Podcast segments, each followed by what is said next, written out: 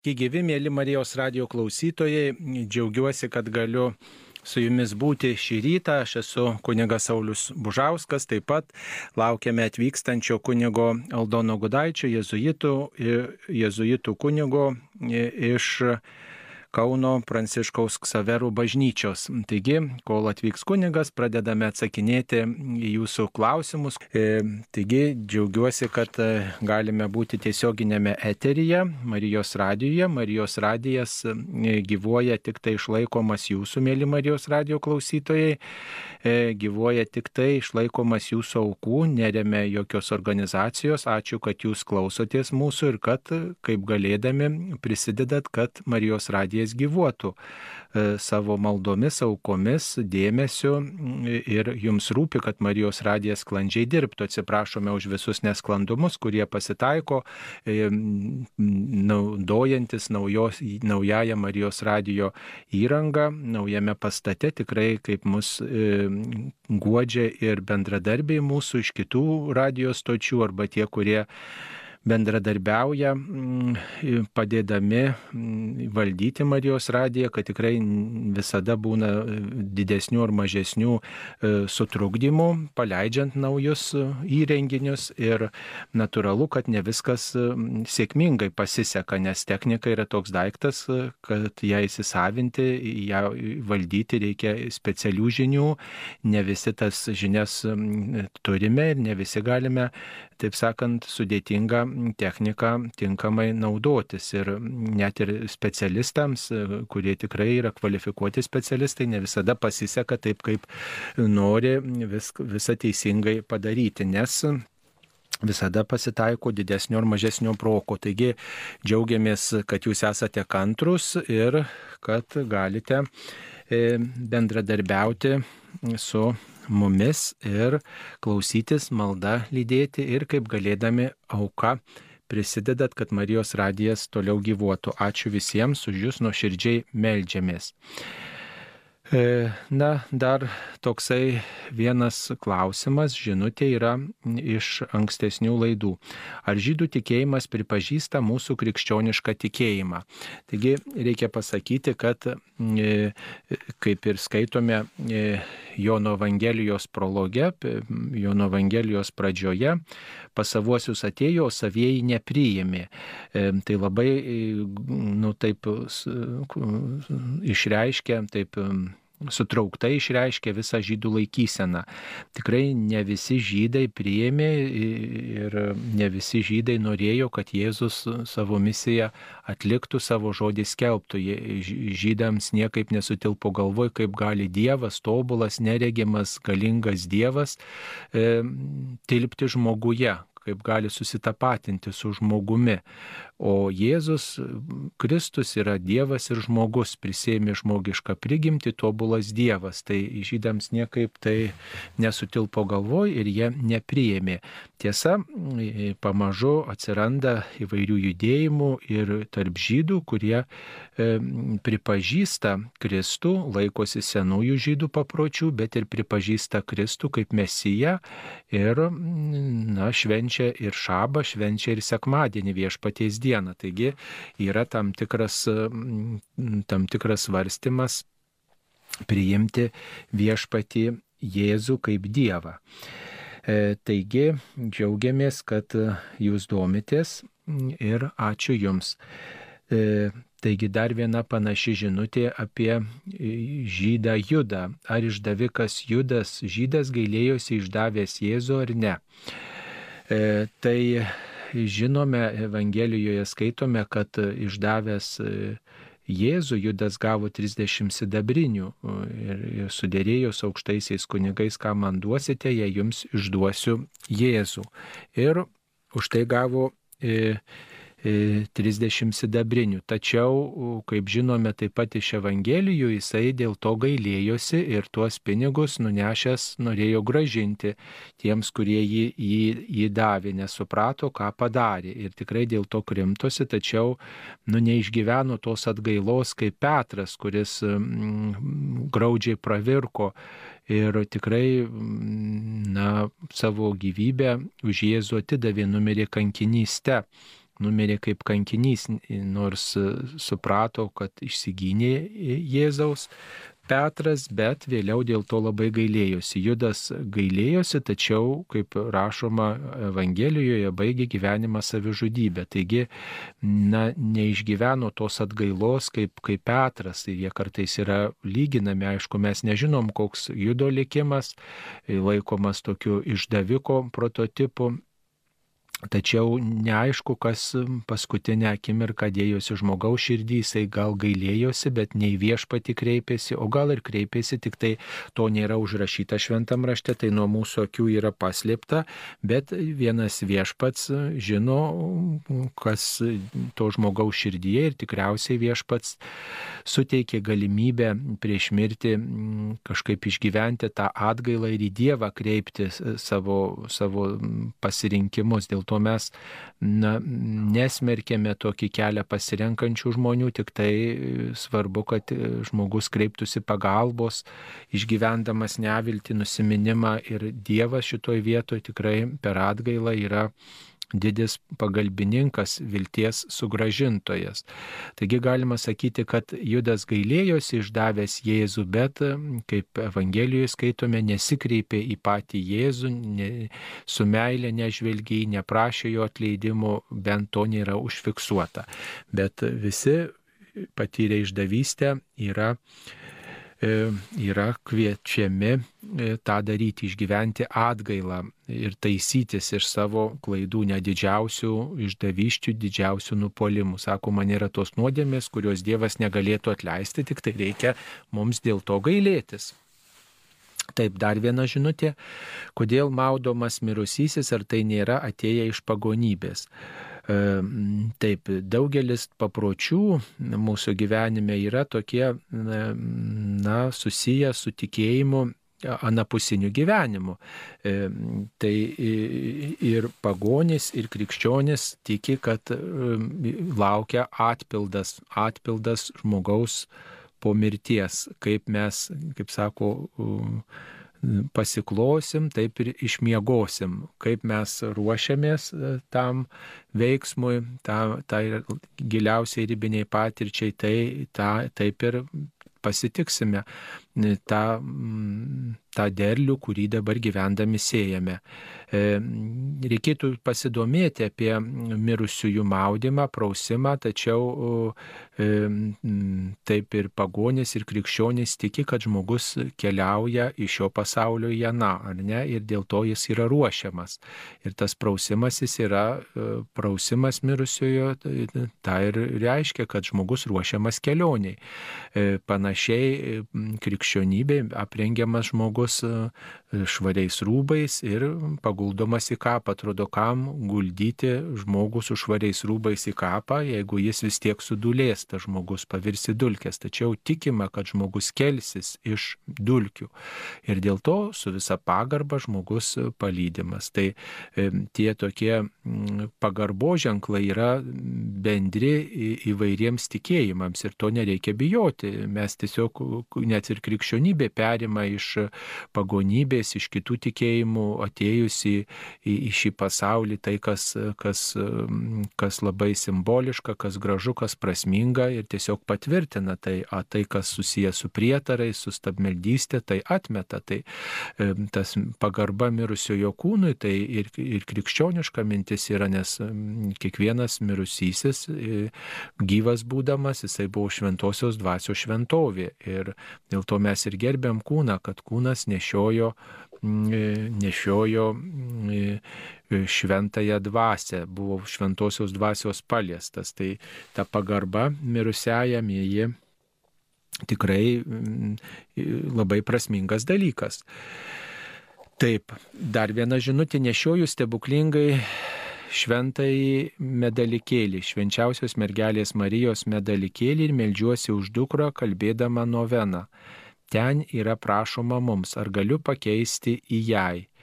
Žinoma, jeigu jūs melžiatės už savo dukrą, ir tikrai melžiatės naudodama e, tas maldas, kurios yra probuotos bažnyčios, tai gerai darote, o tikrai jeigu norite giliau išgyventi tą tokį maldos paskirimą ir pakeičiate kokį vieną žodį, susikoncentruodama į, į, į, į tą savo prašymą, tai taip galima daryti, taip galima daryti, tačiau ne, nenusiminkit, kad net jeigu jūs ir sakote mums ir vis tiek melžiatės už dukrą, vis tiek e, tas žmogus, kuris melžiasi, nėra taip, kad tik tai prašo savo arba tik tai tam vienam žmogui reikalingos pagalbos. Visada mūsų malda yra susijusi su daugybė žmonių, su tais žmonėmis, kurie mus maldos išmokė, su tais, kurie yra šalia mūsų, su tais, kuriuos mes susitinkame, su tais, kam tos maldos labiausiai reikia, mums net nežinant, e, su mūsų gyvais ir mirusiais. Matot, štai ir Jėzus išmokė kreiptis į Dievą tėvę mūsų. Tai nėra tėvė mano, bet tėvė mūsų. Tai reiškia, Dievas yra visų viešpats ir mes kreipiamės į viešpatį, kuris visiems yra geras, maloningas ir mes esam tarpusavį visi susiję ir tokiu būdu mes užtariam kitus žmonės, ne tik prašom savo malonių. Va, tas individualizmas toksai truputį yra pavojingas mums, nes veda į, į, į egoizmą, į puikybę, į savanaudiškumą tokį. Tikėjimas yra bendruomeniškas dalykas. Ne vienas mes neįsigelbėsim tik patys arba su savaisiais, bet reikėtų mm, vat, prisimint, kad malda tai yra atviros širdies valanda ir į toj atviroj širdį turėtų sutilpti daugybė intencijų, daugybė prašymų už, už, už pasaulį, už karus vykstančius, už kenčiančius, už nutolusius, ne tik tai už mano reikalus, už mano reikalus, bet ir už daugybę žmonių. Nes danguje laimingiausias žmogus tas, kuris myli ir linki gerą absoliučiai visiems. Ne tik tai, kad džiaugiasi, jog pats įsigelbėjo, bet ir bet ir e, tiesiog džiaugiasi, kad daugybė žmonių ten pakliūs, e, e, kad daugybė žmonių nori, nori kaip sakoma, džiaugtis danguje ir, ir, ir tai išsipildo, jeigu tik žmogus irgi paremia šitą viešpaties troškimą. Taigi, Taip, dar žiūrim, kokios žinutės mums yra atsiustos. Mm, taigi, mm, Garbė Jėzui Kristui, Facebook'e esame susibūrę į uždarą draugų grupę, kokia malda mums pasirinkti melstis visiems kartu tuo pačiu metu siekiant išmelsti sėkmingą gydimą, operaciją vienai mūsų grupės nariai - Rožinį, Litaniją, malda į Šventą Juozapą ar Arkangelą Rafaelį, Rapolą paprastą poterį ir ką kitą. Na tai tikrai džiaugiuosi, kad jūs norite melstis e, už, e, taip sakant, vieną e, narę ir, ir jūs bendraujate ir ne tik tai kalbatės įvairiom temom, bet ir norite maldą pagelbėti. Tai kiekviena malda yra gera, svarbu, kad ji būtų priimtina visiems bendruomenės nariams, visiems tos grupelės nariams ir kad visi į ją įsitrauktų. Malda tuo geresnė, kuo jinai yra nuoširdesnė, kuo atviriau mes remiamės į viešpatį ir mm, kuo nuoširdžiau, karščiau mes melžiamės tai e, yra maldų, kurios e, savai žodžiais išsakytos buvo žmonių, nekartotos kažkokios frazės, jos buvo kaip raktas į Dievo širdį. Yra maldų, kurios buvo šventųjų parašytos, sukurtos ir jos kartotos daugybės, daugybę kartų įvairiausių žmonių ir tai Dievo širdį atrakina kitaip sakant, tą malonę kažkokią išprašo į tokią viešpaties valią. Tai, na, pasidomėkit, koks šventasis gal artimas tai grupės nariai, gal koks šventasis tikrai artimas kitiems, gal kokių liūdėjimų esate girdėję apie vieną ar kitą narį, E, bendruomenės narį, katalikų bažnyčios narį, šventąjį, kuris ypatingai veiksmingas. Tai e, čia priklauso nuo pamaldumo, koksai yra susiklostę žmogaus gyvenime. Ir jeigu, pavyzdžiui, remiuosi kažkokiu liūdėjimu, pavyzdžiui, Pijus Petrilčinietis kažkam yra padėjęs, žinau, kad žmonės meldėsi į jį, arba, pavyzdžiui, šventasis Arbelijus, ten kitų yra labai mėgstamas, gerbiamas šventasis ir, ir jie girdėjo tų pagyjimų istorijų, girdėjo pagalbos, arba šventasis Antanas, kuris daugybė žmonių padėjo ir va pasirenka žmogus tokią maldą, nes e, jo tikėjimas remiasi gražiu liūdėjimu išklausytos tos maldos, tai ir tada vertinga melstis. Tai e, visada galima tas maldas palydėti ir paprastų poterių, kaip prašote, ir, ir tiesiog prašyti tos pagalbos. Vat, čia ankstesniai žinutėje skaitėm apie noveną, galima pasirinkti devynias dienas melstis į kažkokį šventą, į kažkokią maldą, tai toks yra ištikimybės laikas, tris kartus po tris ir, ir, ir tai yra e, toks nu, aktyvu, aktyvus prašymas, ištikimas, kantrus prašymas, kuris ir mūsų tikėjimą sustiprina ir tokia parodo mūsų tą karštą tokį uolumą ir, ir drąsą parodo prašyti pagalbos, vat atrodo gal ir neįmanoma ar sunku, bet prašyti pagalbos ir nenustoti. Taip, mums paskambino. Irena iš Tauragės. Taip, e, kreipkite, sakykite. Ga, ga, labą dieną, garbė. Labą dieną, per amžius. Nu, norėčiau išgirsti apie spiridoną, spiridoną ir arijų. Ir dabar labai įdomiai paskaičiau, kad jis irgi darė pirmasis paminėtas nu, šventasis irgi stebuklus. Ir paskui arijus va, ir yra minimi 200 ten 56, 336 metai. Labai įdomu iš tokių metų. O tai dabar pasakykit, kur jūs skaitėte apie jį?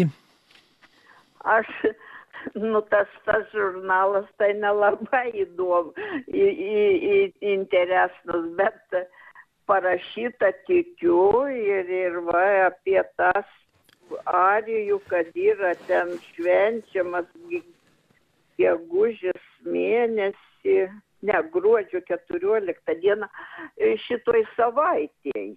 Aha. Nu va, tai čia šventasis Spiridonas, reiškia, yra iš ketvirto amžiaus toksai, nežinau ar jūs apie tą patį turite galvoje, iš ketvirto amžiaus šventasis Spiridonas vyskupas buvo, na ir jisai palaidotas yra Graikijoje, Graikijos šventasis.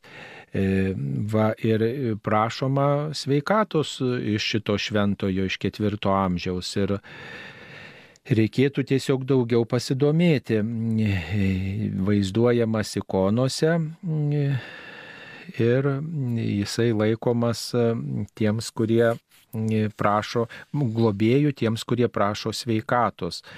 Ir mm, pasakojama, kad e, prašydavo jo žmonės, e, kai būdavo sausra, e, kai reikėdavo gauti maisto, jo pagalbos prašydavo ir čia ketvirto mm, amžiaus šventasis, kurio kultas ne tik tai Graikijoje žinomas, bet ir kai kur kitur, bet kažkaip gana retai, e, retai gerbiamas ir turbūt vakarų bažnyčioje mažai žinomas. E, na tai kartais jo ikonėlės, kaip beje ir kai kurių kitų šventųjų ikonėlės, dėdavosi keliaudami į kelionę, prašydami, kad šitas šventasis būtų pagalba, padėtų, padėtų išvengti visokių negandų. Ir kad e, padėtų e, sėkmingai pasiekti kelionės tikslą.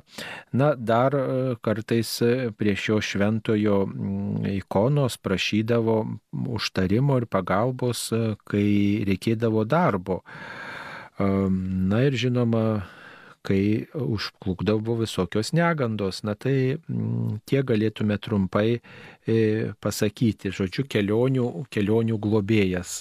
Kelionių globėjas, žinom, kad ir šventasis Kristoforas dar e, kaip kelionių globėjas laikomas ir tiesiog daugiau vakaruose žinomas Kristoforas, o, o rytuose štai šis šventasis, apie kurį jūs klausėte. Taip, tai toliau žiūrim, kokios žinutės mums atsiustos. Noriu pasiteirauti, ar pyktis, kuris neparodomas, kritika, kuri neišsakoma, yra nuodėmės. Na, pyktis jis nėra nuodėmė, bet jis yra emocija. Nuodėmė būtų rūstumas, tas pyktis, kuris įsisenėja, kuris virsta neapykanta, kuris, su kuriuo nėra galinėjamasi, tokiu pyktis, kuris baigėsi blogio linkėjimu, va tada būtų nuodėmė. O kritika, jeigu ta kritika sakoma su meilė, su, su tokiu rūpeščiu, su, su su tokia pagarba kitam žmogui, tai ji nėra, nėra turbūt nuodėmė. Va jeigu mes ištisai kritikuosime, jeigu mes ištisai menkinsim kitą ir visada ieškosime neigiamų dalykų ir norėsim kitą sumenkinti, tai gali būti puikybės ženklas. Bet tas rūpestis ir tas noras pataisyti kitą, na, nebūtinai bus nuodėmė. Žodžiu, ta kritika ar, ar ta nuomonės e, e, išraiška, tas pasakymas vieno ar kitokio kritiško žodžio turėtų būti lydimas e, meilės. Tiesa turi eiti su meilė, kaip sakoma, tam, kad galėtume tam, kad galėtume tikrai pagarbiai bendrauti ir uh, ir tiesiog atsakingai galėtume elgtis vieni su kitais. Mes turbūt pykčio neišvengsime ir, ir tos kritikos neišvengsime ir tai yra natūralios būsenos žmogaus. Na pavyzdžiui, jeigu jūs pamatėt, kad muša vaiką kažkas gatvėje, ne, muša vaiką arba skriaudžia gyvūnėlį ir jūs dabar einat, praeinat lik niekur nieko, ne, ir nieko jūsų širdį nevyksta, nusišypsot, galvojate, apsižino, jų reikalas, ką jie nori, tegul, tegul daro. Tai nebus vis dėlto teisingas dalykas, juk jeigu yra skriauda silpnesniam, mažesniam, vargingesniam žmogui, tai natūralu, kad žmogus supyksta ir nesupykti būtų nuodėmė, gal net, kai sakyčiau, abejingumą parodyti būtų nuodėmė, bet paklausti, o kas atsitiko, o, o kodėl čia taip yra, gal ko galim padėti, visą parodyti tokį savo rūpestį, susidomi, nu, tokį nebejingumą toj situacijoje. Gal tikrai kažkas atsitiko ir reikia čia pagalbos kitokios galbūt. Tai tai, tai tai būtų išeitis, bet nepraeiti abejingai. Aišku, dažniausiai supykstam, kai yra mūsų interesai pažeidžiami, kai, kai kažkas kėsinasi į mūsų darbus, į mūsų uh, užmojus, į mūsų uh, tiesiog susidomėjimo sritį, į mūsų gyvenimą, pažeidžia kažkas mūsų supratimą, tai tada žmogus reaguoja būtent pikčiu. Čia pirmoji tokia reakcija yra, bet ką su tuo darom, va čia yra turbūt didesnė atsakomybė. Taip. Per laidotuvės mirus žmogui ant kapinių melžiantis degama žvakė, kokia jos reikšmė. Tai e, žvakė visuomet primena Kristų, kuris yra e, šviesos nešėjas, kaip žvakė apšviečia tamsą, taip dovanotas Kristaus žodis, jo išmintis, jo gerumas, jo meilė, jo pasiaukojimas apšviečia, apšviečia mūsų gyvenimą ir padeda pasirinkti. Ir kaip maldoj melžiamės amžinoji šviesa te šviečia mirusiam, ne? amžinoji šviesa jam te šviečia, tegul ilsisi ramybėje, amen. Tai reiškia, kad mes linkim Dievo šviesos ir ta uždegta žvakelė, ypatinga jeigu ji yra pašventinta, e, kunigo, e, jeigu ji yra pašventinta, ji ir primena viešpati Jėzų ir ji tiesiog yra kaip maldos tokia išraiška, fizinė išraiška, maldos fizinė išraiška. Taigi e, prašome šventinti žvakutes ir, ir tiesiog stengtis, stengtis stengtis ant kapų uždegti šventintą žvakutes. Kunigai visada yra pasiruošę ir yra specialios maldos, apeiginė naujajam, specialios maldos, kada galime pašventinti, kada kunigas pašventina žvakes ir tada įteikia žmogui atiduoda ir žmogus gali uždegti ir tikrai malda palydėti tą žvakutę ir paskui jau kaip jį dega, ji e, tarsi pratęsia tą maldą ir Tai yra toks ir kitiems praeinantiems ženklas ir taip pat pačiam žmogui gyvajam tokia žinia, ne kad aš su malda prisimenu tuos, kurie iškeliavo, tai tarsi toks tiltas į amžinybę. E, tiltas e, su mūsų mirusiai susitikimo e, būdas toksai uždegti šventintą žvakutę. Taip, tai žiūrim dar kokiu kitų klausimų mums atsiuntėte. Taip, dažnai pasitaikantis klausimas, kodėl mirusio pasaulietčio karstas įnešamas mišioms į bažnyčią kojom į altorių. E, iš tiesų tai jeigu ir įnešama kojom į altorių, e, tai taip ir pastatoma, o tada, kai jis yra išnešamas, tai tada kojom į duris išnešamas, taip ir sako, į duris atgrėžė kojas. Tai mm, reiškia, kad jis tokia, tokia, e, tokia mm, kūno pozicija veidų į altorių buvo atsisukęs gyvas būdamas, čia meldėsi ir tada miręs žmogus taip pat tokioj e, pozicijoje atnešamas į bažnyčią. Štai kunigas e, visiškai priešingai e, tiesiog šarvojamas, atgręžtas į žmonės, reiškia kojom į duris ir tada tarsi stovėtų prie žmonės. Jisai taip būdamas gyvas žmonėms taip patarnavo, tai ir, ir e, miręs, vat, štai padedamas taip ir su juo atsisveikinamas su šitų kūnų ir taip pagerbiamas tas, kuris žmonėms ir Dievui tarnavo. E, dar panaši žinutė yra, e, kuo pyktis blogesnė emocija nei kitos. E, blogia, pyktis nėra blogesnė emocija nei, nei kitos emocijos, yra visos emocijos, tačiau e, žinom, kad pyktis galbūt padaro žalos dėl to kitiems žmonėms, ne?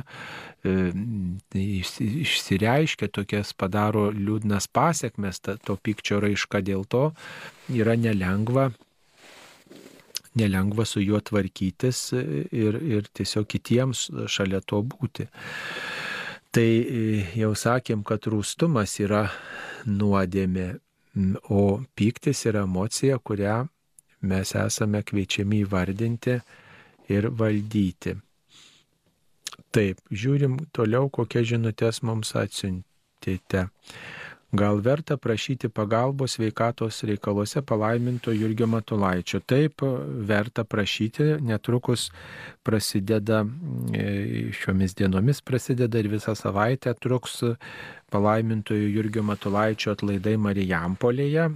Tai kviečiame visus dalyvauti. Pagrindinės mišios yra 12 val. Po mišių malda prie palaimintojo Jurgio Maturaičio relikvijų koplyčioje, kur uh, tikrai palaimintojo kūnas yra saugomas, prieš mišes yra katechezė ir rožinio malda, taigi verta prašyti sveikatos ir žinoma, kad jis pats buvo tas, kuris, tas, kuris tas, kuris e, susidūrė su lygos iššūkiais ir tas, kuris padeda kitiems visokiuose, visokiuose reikaluose. Ir žinoma, kad e, kad e, daugelis žmonių prašė sveikatos ir ten bažnyčioje, bažnyčios darbuotojai, klebona saugo, saugo tokį saugo tokį e, sektuvą, kuriame daugelio žmonių liūdėjimai yra surašyti, e, kurie primena pasveikimą. E, tie liūdėjimai surinkti iš tų žmonių, kurie turėjo kažkokių negalių, sunkumų, lygų ir tada po kiek laiko kai meldėsi jie arba jų artimieji palaimintai irgi matulaitį, tikrai vienokiu ar kitokiu maloniu patyrė ir jie išdryso net ir paliūdyti, kad atgavus sveikatą ir e, vienokie ir kitokie pokyčiai jų gyvenime vyko ir dvasiniai. Tai va, jie ir tiesiog yra tie, kurie paskatina mus prašyti palaimintojo Jurgio Matulaičio užtarimo sveikatos reikaluose galima e, melstis ir savai žodžiais ir kalbėti palaimintų irgi Matulaičio litaniją arba melstis e, prašant jo pagalbos specialia malda, e, kurią galima gauti palaimintojo koplyčioje Mykolo bazilikoje Marijampolėje. Taip, dabar žiūrim, kokios kitos žinutės mums atsiustos.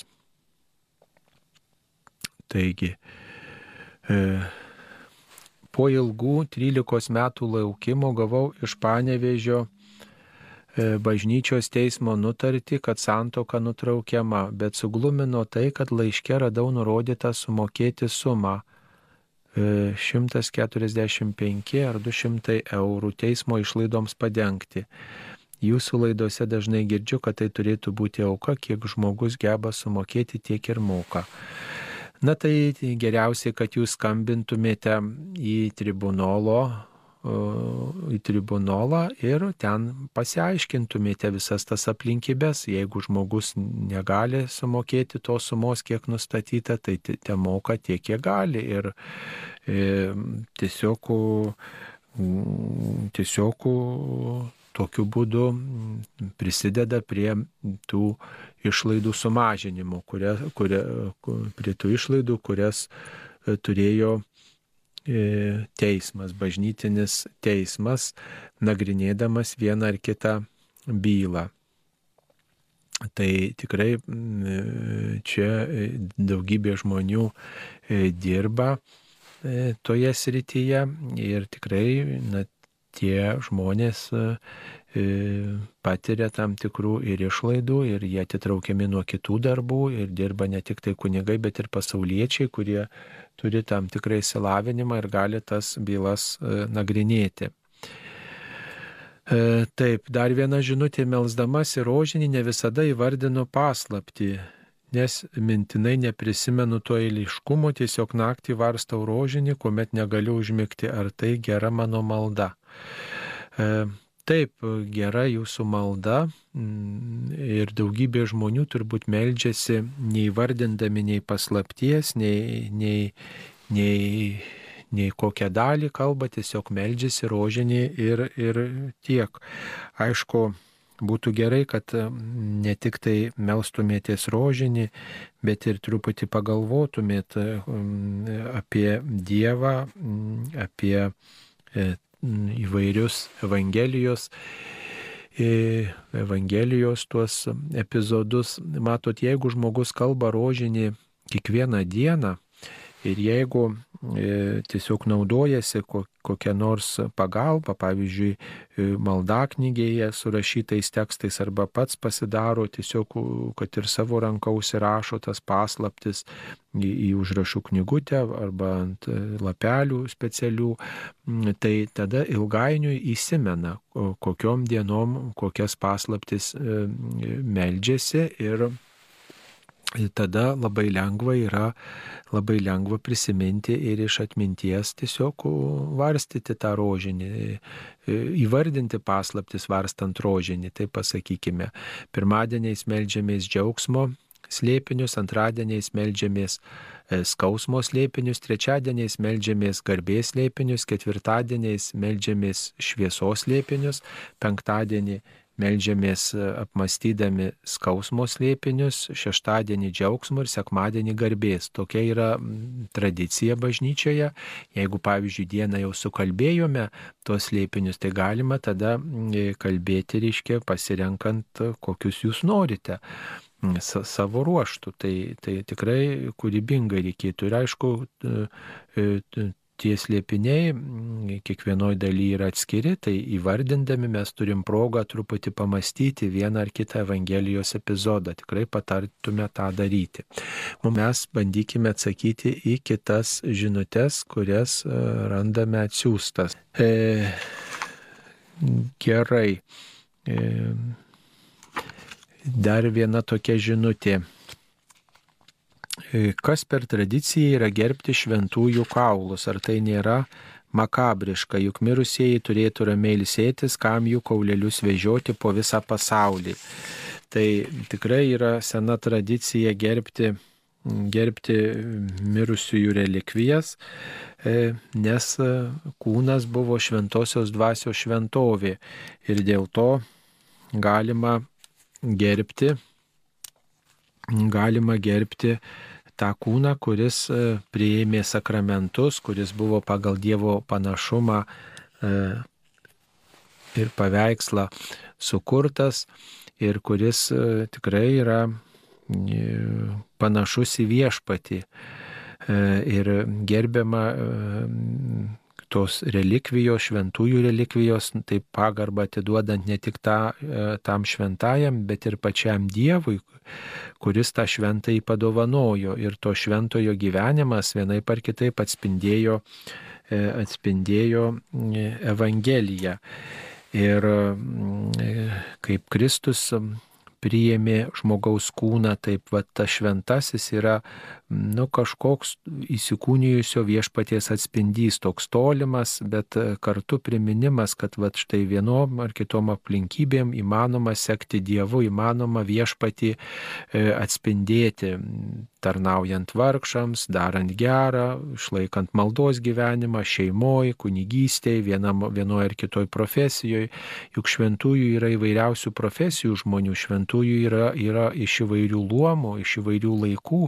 Ir tai reiškia, kad e, Evangeliją sekti, gyventi Evangeliją, Dievą liūdyti galima įvairiom aplinkybėm. Ir savotiškai mums tai yra priminimas apie tai, kad žmogus sutiko viešpatį, vad būtent šitas žmogus, kurio čia kaulelis yra, buvo mm, tas Evangelijos e, liudytojas, tas veidrodis, kuris atspindėjo Dievo žodį įvairiose aplinkybėse. Tai e, galbūt tai yra mm, kažką makabriška, tačiau miręs žmogus jau nepriklauso pats savo, jis priklauso Dievui, jisai tiesiog jo kūnas išnyksta, bet vat, tas ženklas, vienas ar kitas ženklas, to, to kūno dalelė, ji padeda, padeda žmonėms tiesiog tikėjimą giliau išgyventi to žmogaus, kuris,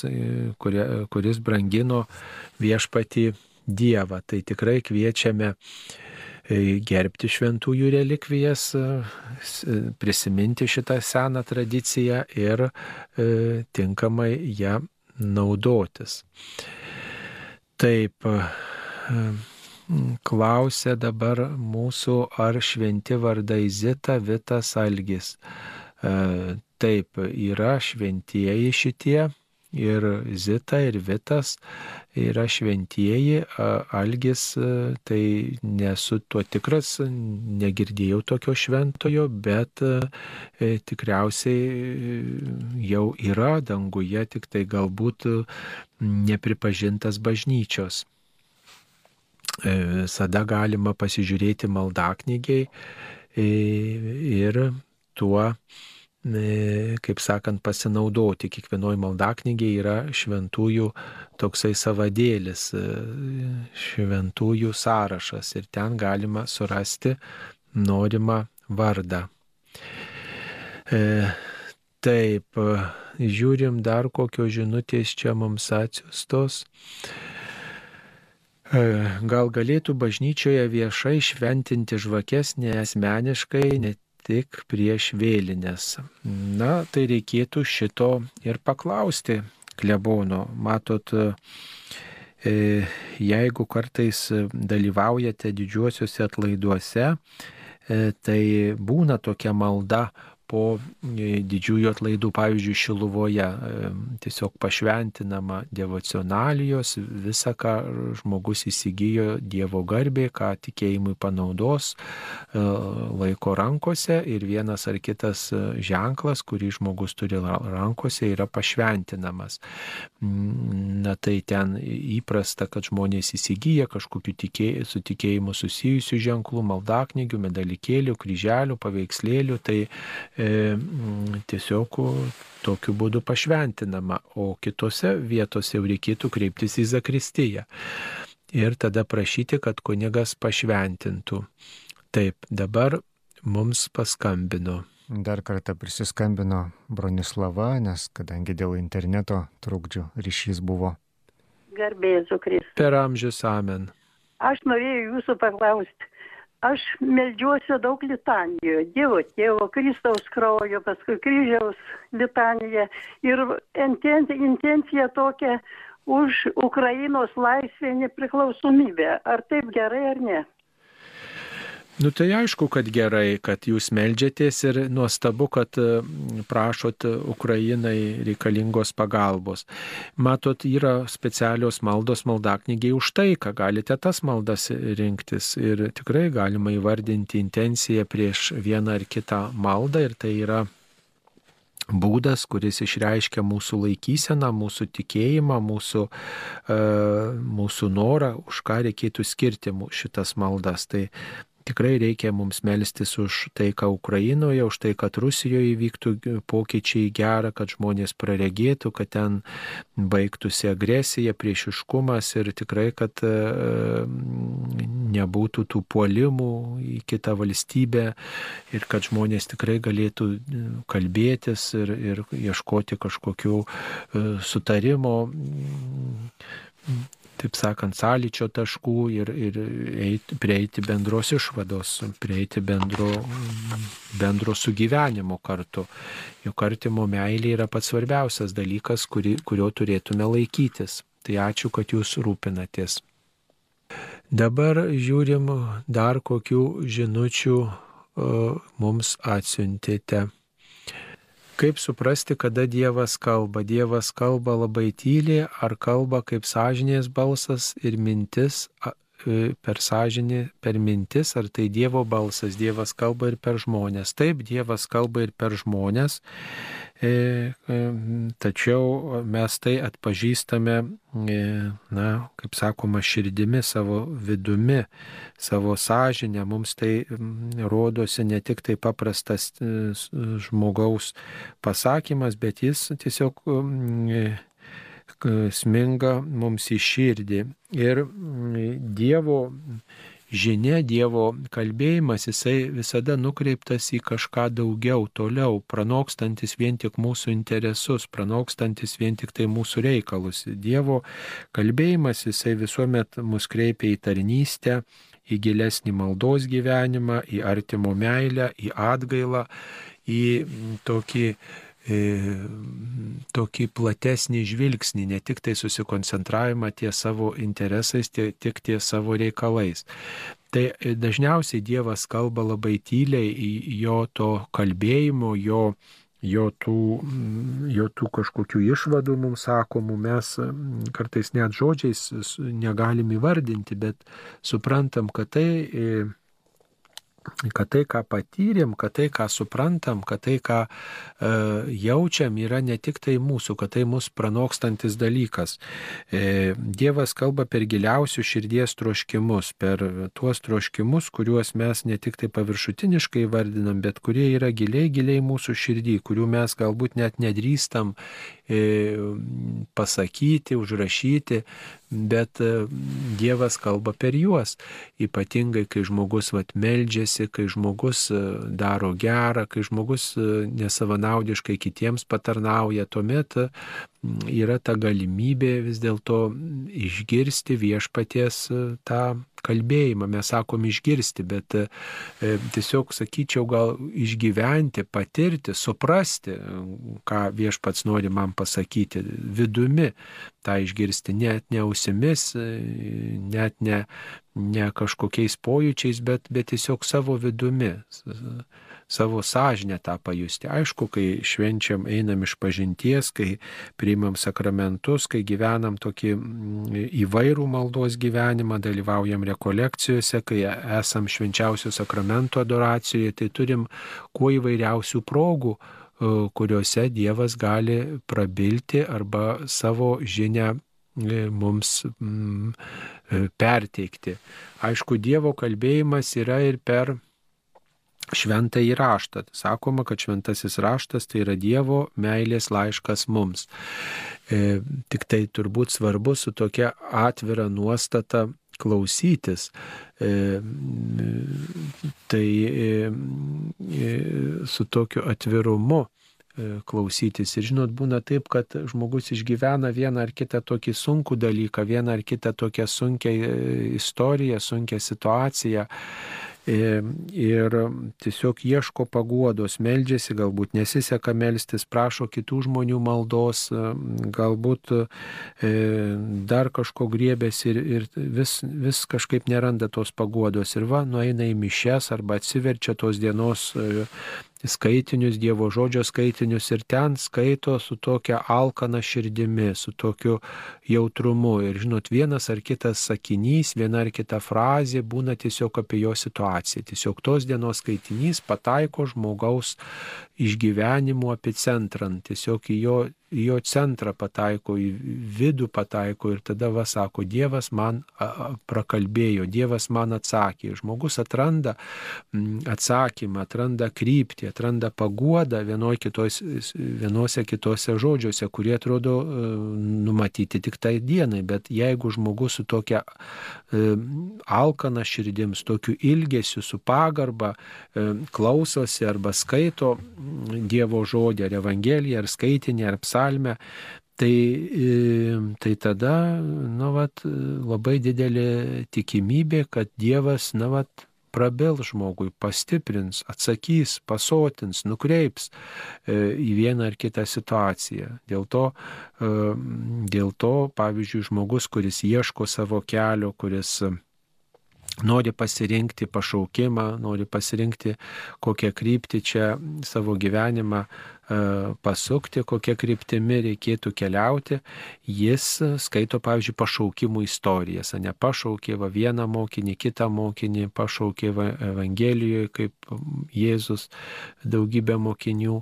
Na tai, va, ką žmogus išgyvena, ką, ką jo širdis sako, kaip jis reaguoja, va, ar tai priima asmeniškai, kas ten sakoma. Ir, ir, ir tada galima tikrai, nu, pajusti, išgyventi, suprasti na, viešpaties kvietimą vieną ar kitą kryptį. Mm, panašiai turbūt ir kitose situacijose, kai pavyzdžiui žmogus serga, tai kai kurie skaito ištraukas apie pagydymus, kaip gydė viešpats, kaip viešpats vadavo iš, iš nuodėmių kitus žmonės. Tai yra būdas ieškoti tokios paguodos ir taip pat e, ugdyti tą, e, ugdyti tokį, žinot, e, klausimą. E, klausimą ne tik tausimis, bet ir širdimi.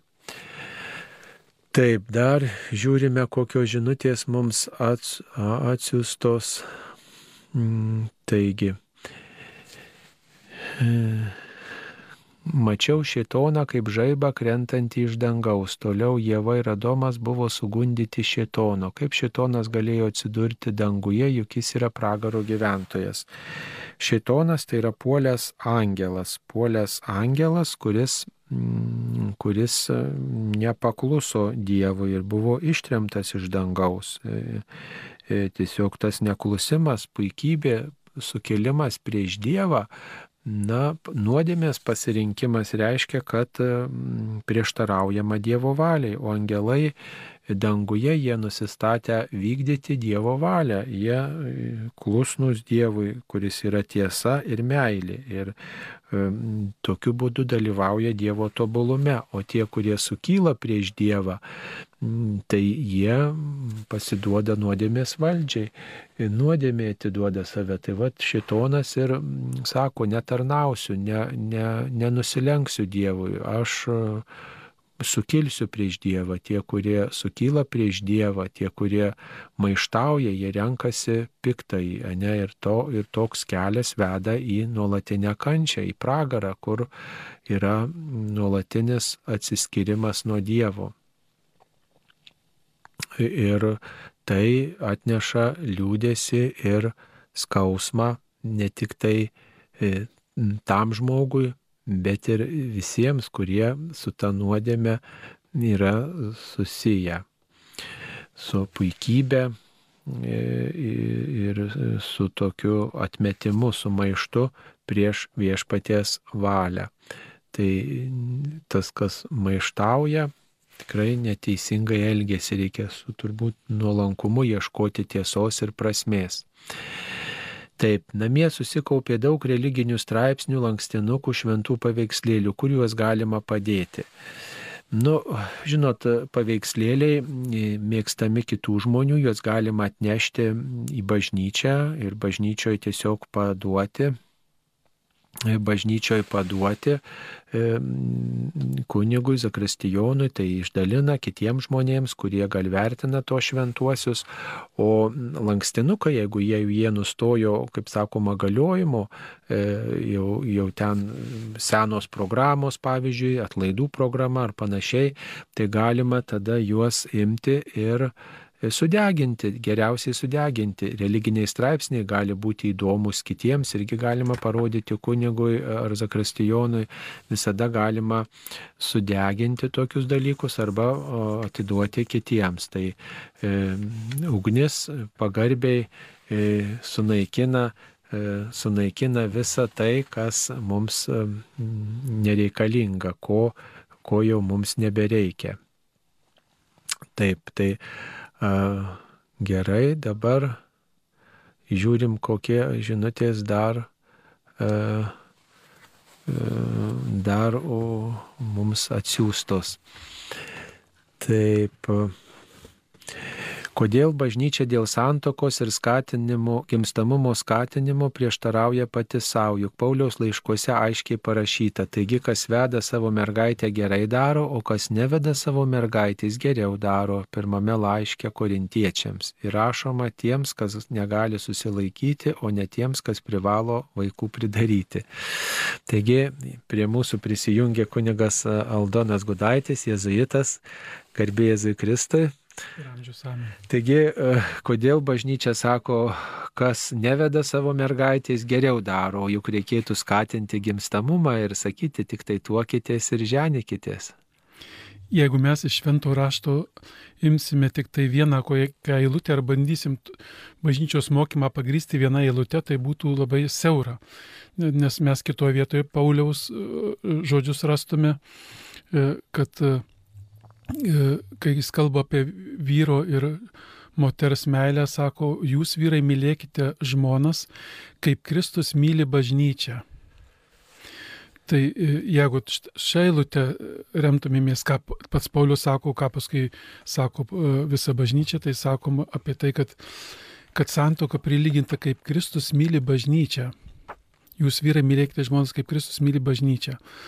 O, o jeigu mes randame tenai e, Pauliaus žodžius tuo metu krikšč... pasakytos krikščionims žmonėms, arba kai jis kalba apie pašaukimą skleisti Evangeliją, būt jis ir tuo metu dar Paulius tokią mintį turėjo kurį laiką tikėjau, kad, kad Dievo karalystė arba pasaulio pabaiga tuoj pat bus.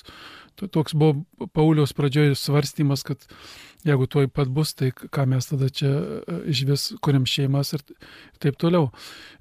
Arba e, e, kitą mintį rastumėm, kad danguje neves neįtekės, ne? tai, tai kad tenai ten veidų į veidą bus ne visa šeima, bet kiekvienas žmogus kaip atskiras su Dievo santyki turės. Tai aš tik linkėčiau tik, kad viena eilute negalvoti, kad bažnyčios mokymas kaip nors prieštarauja savo.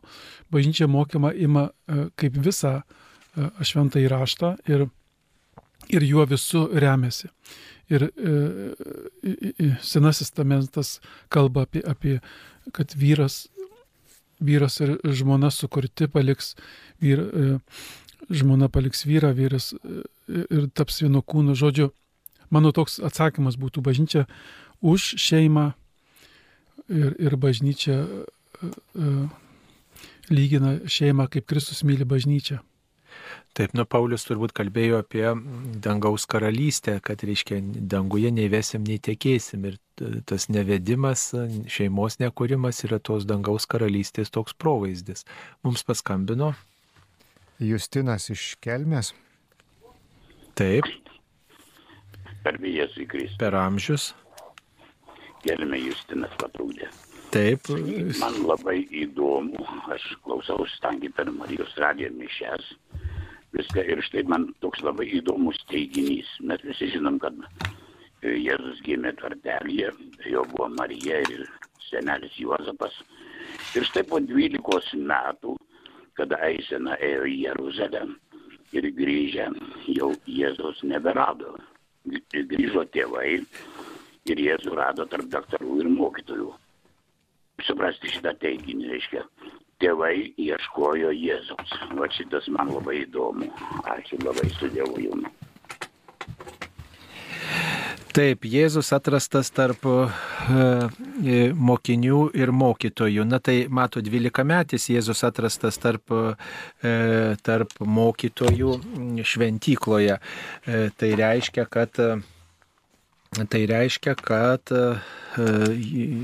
netuoj pat, netuoj pat po, po gimimo Jėzus buvo atrastas šventykloje. Tai e, nesvarbu, net jeigu ten gretimai mes skaitom tas ištraukas ar panašiai, e, vis dėlto, žinot, nekalbam apie tą laikotarpį, Jėzu, ką, kur Jėzus veikė, ką, su kuo žaidė, e, ką valgė, e, panašiai, kas, kur miegojo. E, tai tiesiog tai tikriausiai nebuvo buvo svarbu, tiem, kurie rašė šventą įraštą, buvo svarbiausi kiti dalykai, buvo svarbiausia, kad Jėzus yra Dievo sūnus, kad Jėzus padarė daug stebuklų ir kad jis numiriai prisikėlė, o visos kitos detalės jau jos nesvarbios. Tai e, tiesiog anksčiau žmonės, seniau gyvenę žmonės anksčiau subręsdavo ir 12 metų jis tikrai jau tie 12 metų vaikai, jie, jie jau buvo tikrai tokie rimti paaugliai ir jie galėjo tikrai atlikti daugelį net ir suaugusių žmogaus ir darbų ir panašiai. Tai natūralu, kad jis jau 12 metų būdamas šventykloje galėjo būti ir, ir tikrai pasižymėti ne tik žmogišką išmintimi, bet ir atsiskleidė aišku tuo metu ir ta dieviška jo išmintis, kad jis galėjo pamokyti tuos, kurie visą gyvenimą skaitė ir studijavo šventą įraštą. Taigi tai nebuvo iš karto po, po gimimo, bet kaip liūdija e, šventasis raštas praėjus e, be maž 12 metų. Taip. E, dar žiūrim, kokios žinutės mums atsiustos, e, koks yra Dievo vardas - Jahvė ar Dovydas. Dovydas tikrai nėra Dievo vardas, o Dievo vardas yra Jahvė. Tai reiškia Mozėje preikštas vardas kuris reiškia esantysis. Dievas tas, kuris yra išmintis, e, meilė, maloningumas ir gailestingumas sudarė sandorą su Abraomu, Izaoku e, ir Jokūbu ir per Mozės e, išvedė Dievo tautą iš Egipto nelaisvės ir E, tiesiog šitas vardas Jahvė žydų netariamas iš pagarbos, iš pagarbos Dievui. Vieną kartą būdavo ištariamas vyriausiojo kunigo prie šventų švenčiausios e, šventų švenčiausios vietos prie sandoros skrynios. Aš tik papildyčiau, kad e, jeigu tai žiūrint šventą raštą, tai mes dar tų Dievo vardų daug rastume ir Nes žmogus mes ribotas, kad vienu, vienu vardu išreikšti Dievą kaip tokį e, e, esantysis, e, viena iš esminių savybių Dievo, bet mes rasime šventame rašte Dievas yra gailestingumas arba Dievas yra meilė ir dar daug, daug, daug dalykų jis, jis ir simbolių, kiek yra Dievo vardų ir taip toliau. Bet tikrai nedovydas, Dovydas yra pranašas. Taip, kada bus sutvarkyti garsiakalbiai Kauno katedroje, juk taip norisi girdėti pamokslą, jei ne, tai tegu kalba aukštai iš sakyklos kuniga, juk tokia didelė šventovė. Nu tai čia reikėtų klausti Kauno katedros e, kunigų administratoriaus, klebono, kitų kunigų. Dabar pasikeitė kaip tik tai Kauno katedros administratorius, dabar jau bus monsinjoras Vytautas Grigaravičius, tai tikriausiai ir jis rūpinsis ir šiuo klausimu. Tai reikėtų laukti pokyčių, stengtis dar kantriai pabūti, atsisėsti kuo arčiau, kuo arčiau altoriaus, tai tokia galimybė yra, tuomet gerai girdėsite. Taip ir dar tos pačios klausytojos klausimas, kas įvedė charizmas, pagal ką? Šventoji dvasia charizmas įvedė. Charizma tai yra dovana. E, dovana ir apie tas charizmas rašo paštalas Paulius savo laiškuose. Jas išvardina, išvelgia. E, bet didžiausia charizmų charizma yra meilė, ne, kurią mes visi esame gavę ir kurią vis dėlto reikėtų puoselėti. Ir daugiau tų charizmų turime, tik tai jas reikia gal atpažinti arba paprašyti, kad kiti gal žmonės įvardintų, kokią charizmą esu apdovanotas, apdovanota. Mm, tai yra šventosios dvasios dovana bendruomenės labai, ką aš galėčiau padaryti, kaip galėčiau gyventi, tarnauti Dievui ir žmonėms, kad, e, kad tinkamai savo misiją atlikčiau. Tai kaip, kaip ir Saulis sako, kad tas žodis gal įvedė netinka, jis daugiau pavadintos Dievo dovanos e, charizma. Charizma dar tokį žodį turi tokios veiklumo, kad ta, ta dovana Dievo pažmogų ar, ar grupėje, kurio, kuriems Dievas dovanojo, ji reiškėsi, kaip nors veiksmingai reiškėsi, matoma tampa, ar ten džiaugsmas, ar, ar do, dovana užtarimo malda, pavyzdžiui, žmonės turi dovaną tokią užtarti kitus ir taip toliau. Tai, tai Dievo dovanos pavadintos charizma, kaip, kaip, kaip ir kitos žodžiai turi sinonimų. Taip, kas gali keisti bažnyčios kanonus, kas tai keičia? nu, gali keisti popiežius, turbūt įvesti naujus kanonus ir, ir taip pat koreguoti, papildyti. Mm, tai turbūt tai ir yra daroma. Kai... Ir visuotinis bažnyčios susirinkimas galėtų, jeigu būtų tokia užduotis duota. Taip, jeigu būtų toksai poreikis. Gerai, dar vieną tokį turim klausimą. E, kaip atlikti mąstymo maldą? Mm, mąstymų malda turbūt jezuitų ypatingai dėgiama yra. Gal čia galima kažką pasakyti? Mąstymo maldų yra įvairių, yra kontempliavimas, yra protų svarstymas ir taip toliau. Tai priešingai negu, pavyzdžiui, lūpų malda. Nors lūpų maldo irgi, jeigu mes neskubant kalbėsim ar rožinį, ar šiaip kokią maldą tėvė mūsų, mes galim įjungti ir, ir mintis. O šiaip mąstymo malda tai, tai yra įvairių būdų. Kunigas Saulis klausė manęs, ignatiškas metodas yra, tai yra tam tikra struktūra, kai, kai pradžioje e, toks Ignaco pasakymas, stoju Dievo akivaizdoje, prisimenu, kad viešpats mane mato. Net mes galėtum pastebėti, kad e, kai mišios prasideda, kunigas sako, viešpats su jumis ir jūs sakot ir su tavimi. Tai mes visi prisiminam, kad Dievas su mumis, Dievo akivaizda. Nes Dievas prie mūsų nuolat yra.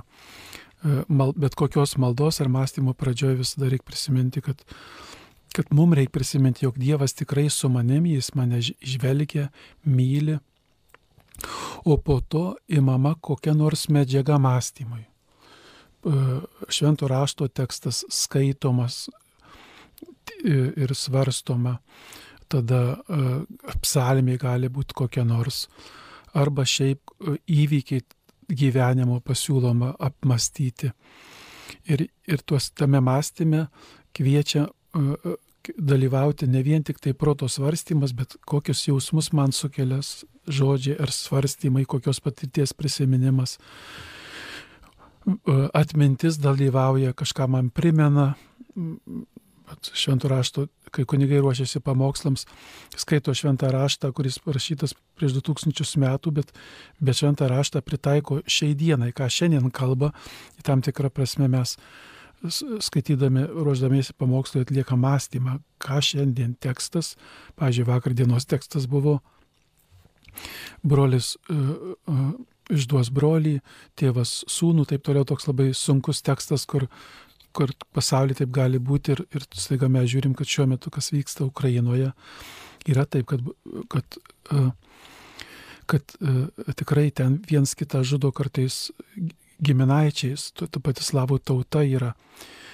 E, bet kur link mąstymas turėtų vesti, kad me, Dievas visada veda link vilties. Mes ieškome vilties mąstymę, kur Dievas mane myli, kur mes jam dėkojame už patirtą dalyką ir taip toliau. Ir mąstymas turi pabaigą, kurio, kurio, kurioje aš užbaigiu.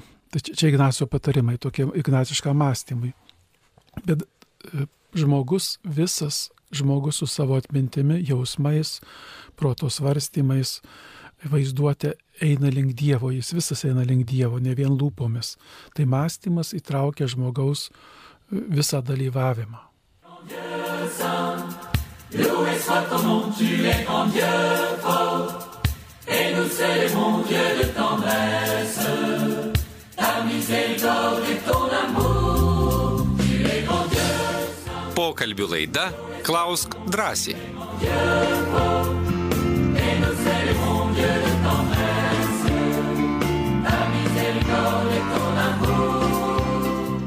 Mėly Marijos radio klausytojai, tęsėme laidą Klaus drąsiai. Šioje laidoje dalyvauja kunigas jėzuitas Aldonas Gudaitis iš Kauno Pranciškaus Ksavero, Šventojo Pranciškaus Ksavero bažnyčios. Jis yra ir Kauno jėzuitų gimnazijos direktorius.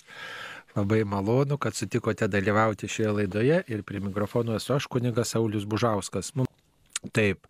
Ir vieną klausimą turime e, kaip tik apie jezuitus. Ar nebūtų galima Švento Ignaco pratybas pravesti per Marijos radio laidas? Būtų nuostabu. Pirmiausia, e, kai kalbam apie Ignaco pratybas, tai e, e, jas pravesti, ką reiškia pravesti, jos daugiau yra atliekamos, kai pratybą reikia patiem atlikti, daugiau yra, e, galėtum sakyti, e, palydėti žmogų. Tokiu būdas, kad palydėti žmogų, ypač vat, per pandemiją, nuotoliniu būdu, e, tai be abejo įvykę yra ir, ir dabar yra tokių grupelių, kur vyksta. Pats Ignacas įvairių būdų siūlo, kaip pratybas atlikti, rekolekcijas. Ir Ir yra per internetą, pavyzdžiui, adventė ar gavėnioje tokios vadinos trumposios rekolekcijos Ignaco viena kitą savaitę paimama. Tai čia turbūt klausimas ir kunigui Sauliui, aš manyčiau, kad tokia galimybė gal būtų, bet tik tai linkiu, kad Ignaco pratybas yra labai asmeninis toks ėjimas per tais pratybas ir būtinai reikia žmogų turėti, palydi, kuris palydi, nebūtinai kuniga, bet daug palydėtų paruošta yra. Ir, ir, ir tai e, nėra kaip informacija perteikiama ar kaip nors žmogus pats tą pratybą atlieka kito palydimas.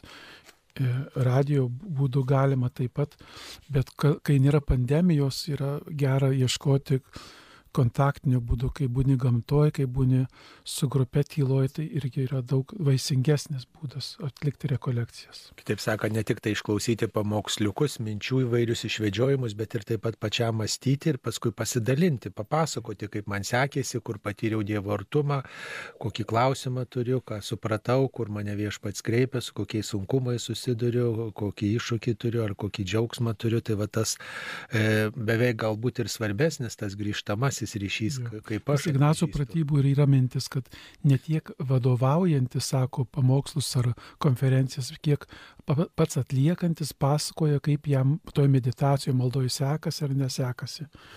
Tai, tai kaip matot, tokios aplinkybės, kur Marijos radijo bangomis nebent jau labai mes visai pandemijoje vėl būtum uždaryti, galėtum tokį kaip būdą siūlyti. Bet... Taip ir dar panašus klausimas, kiek jėzuitų yra Lietuvoje, žinome daug nuostabių kunigų, ar yra brolių, ne kunigų ir ką jie veikia.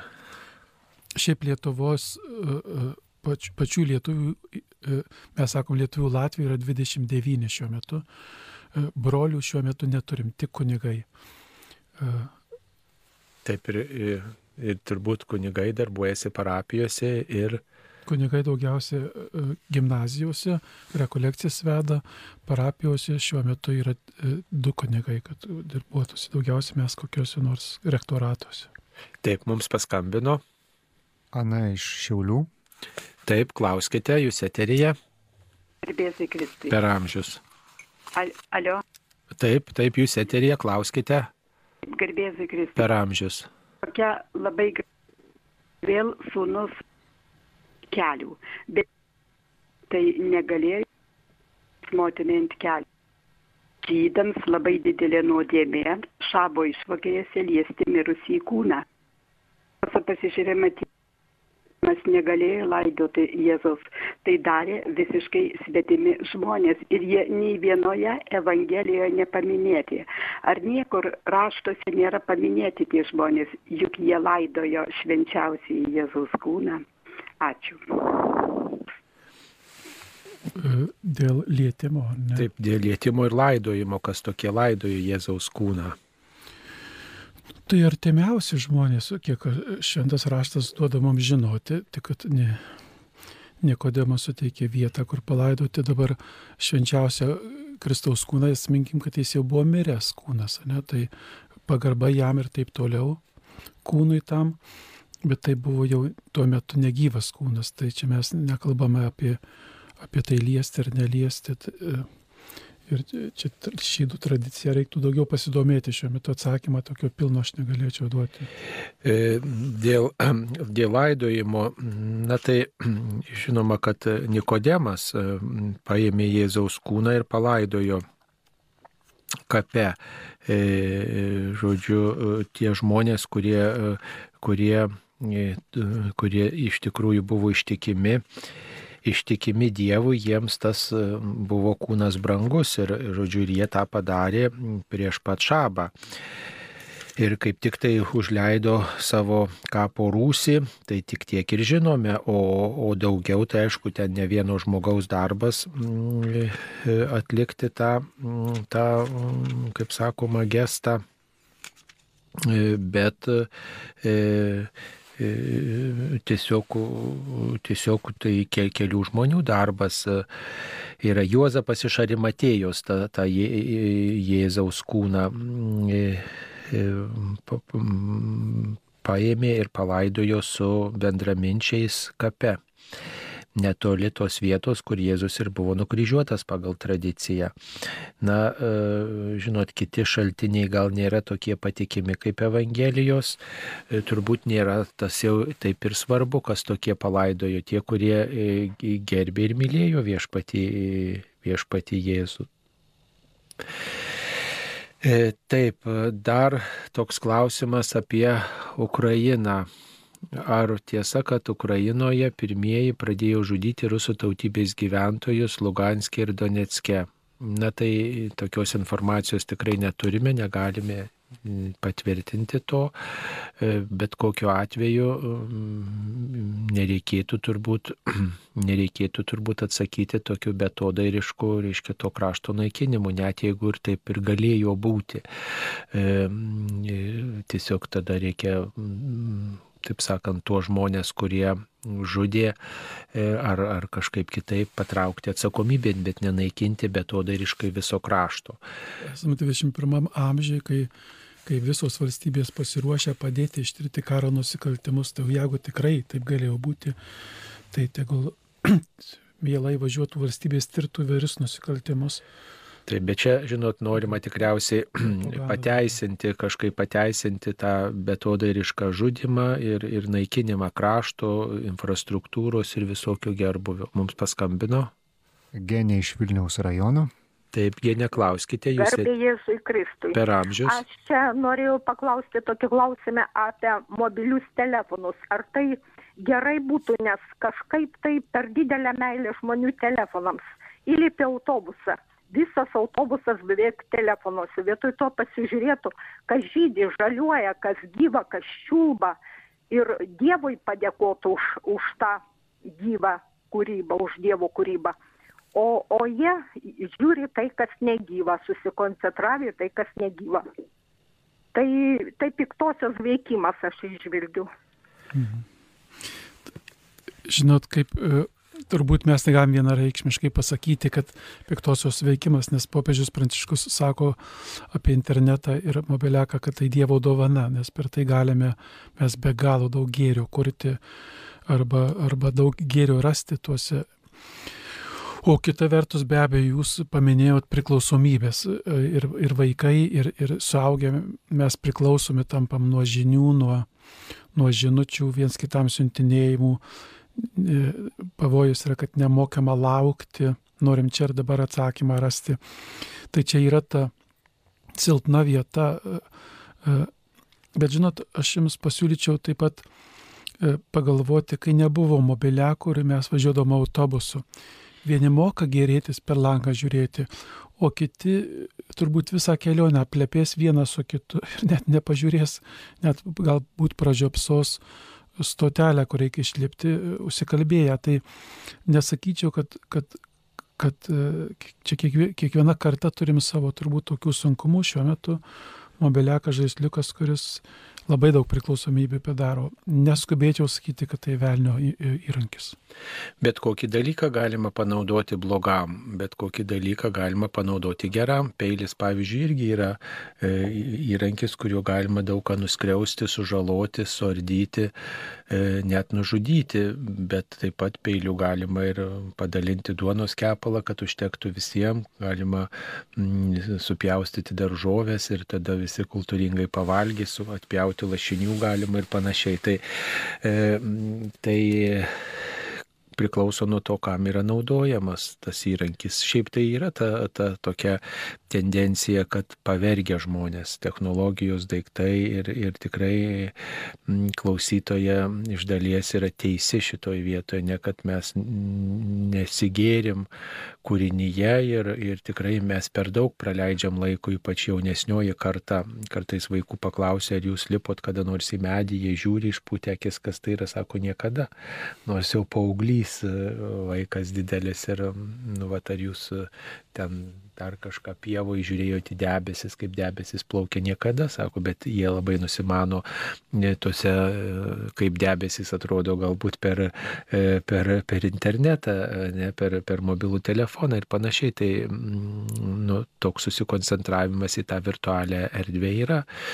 Mm, tai žinoma, čia tas iššūkis, kuris e, šioje visuomenėje mm, kamuoja daugelį žmonių ir kurį reikia kažkaip išspręsti.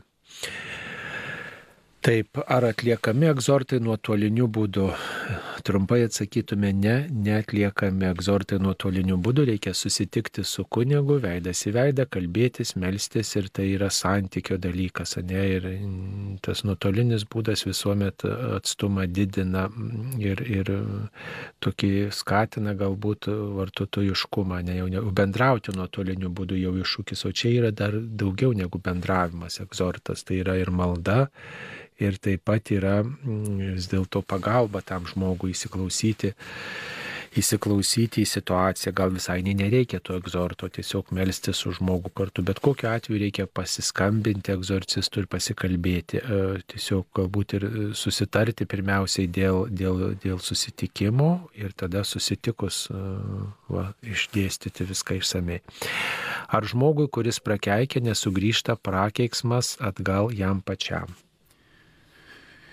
Prakeiksmas tikrai nėra iš Dievo dalykai, bet, e, bet ko aš linkėčiau šitam klausime, toks truputį vėl paslėptas tas Dievo įvaizdis. Maždaug jeigu aš prakeikiu, tai ir Dievas mane prakeiks, arba jis jau tai padarys, kad tave kas nors prakeiks.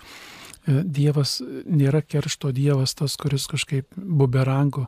Tikrai e, visuomeniai paplitę, net ir tarp mūsų katalikų, kad tai, ką mes padarom kitam žmogui blogai, kažkada įvyks mums panašiai blogai. Tai